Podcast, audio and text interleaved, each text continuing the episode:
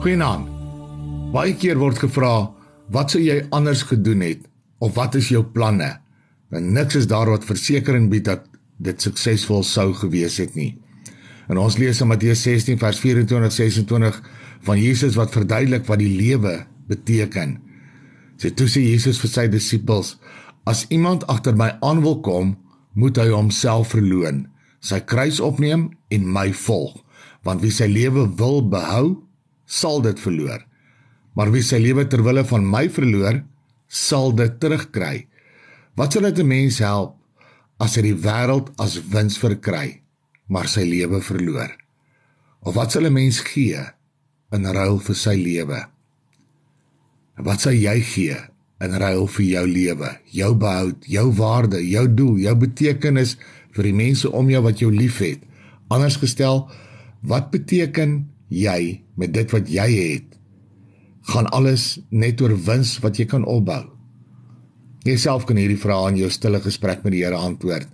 Vanaand sluit ons af met 'n storie wat ek lank gelede gelees het. Die verhaal is van 'n boetie en 'n sussie.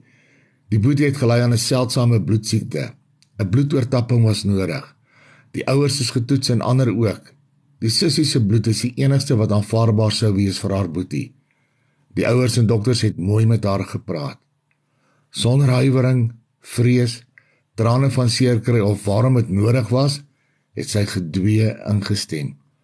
Met die dag van die oortapping het sy langs haar boetie in die hospitaalbedjie gelê en net gevra of sy hom kan groet. En haar groet was met trane dat hy mooi na pappa en mamma sal kyk, 'n goeie mens sal word en geluk vind in die toekoms. Met dit omgedraai, pappa en mamma 'n drukkie gegee en gesê sy's lief vir hulle en weer in haar bekkie geklim. Verstom het die ouers en dokters dit aangehoor en wou weet hoekom sy dit gesê het en so opgetree het. Haar antwoord was as hy haar bloed vir Boetie gaan gee sodat hy kan lewe, dan sal sy nie meer saam kan lewe nie. Sy wou net groet. Nou kan jy jouself die emosies voorstel waarmee die ouers moes verduidelik. Hulle gaan nie al haar bloed gebruik nie. Sy gaan net genoeg gee sodat Boetie gehelp kan word. Sy gaan lewe.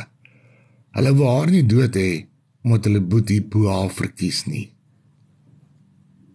So werk die Here ook. Onwatsigtig het hy ons die ewige lewe gegee. Wat sal jy gee in ruil vir jou lewe? Amen.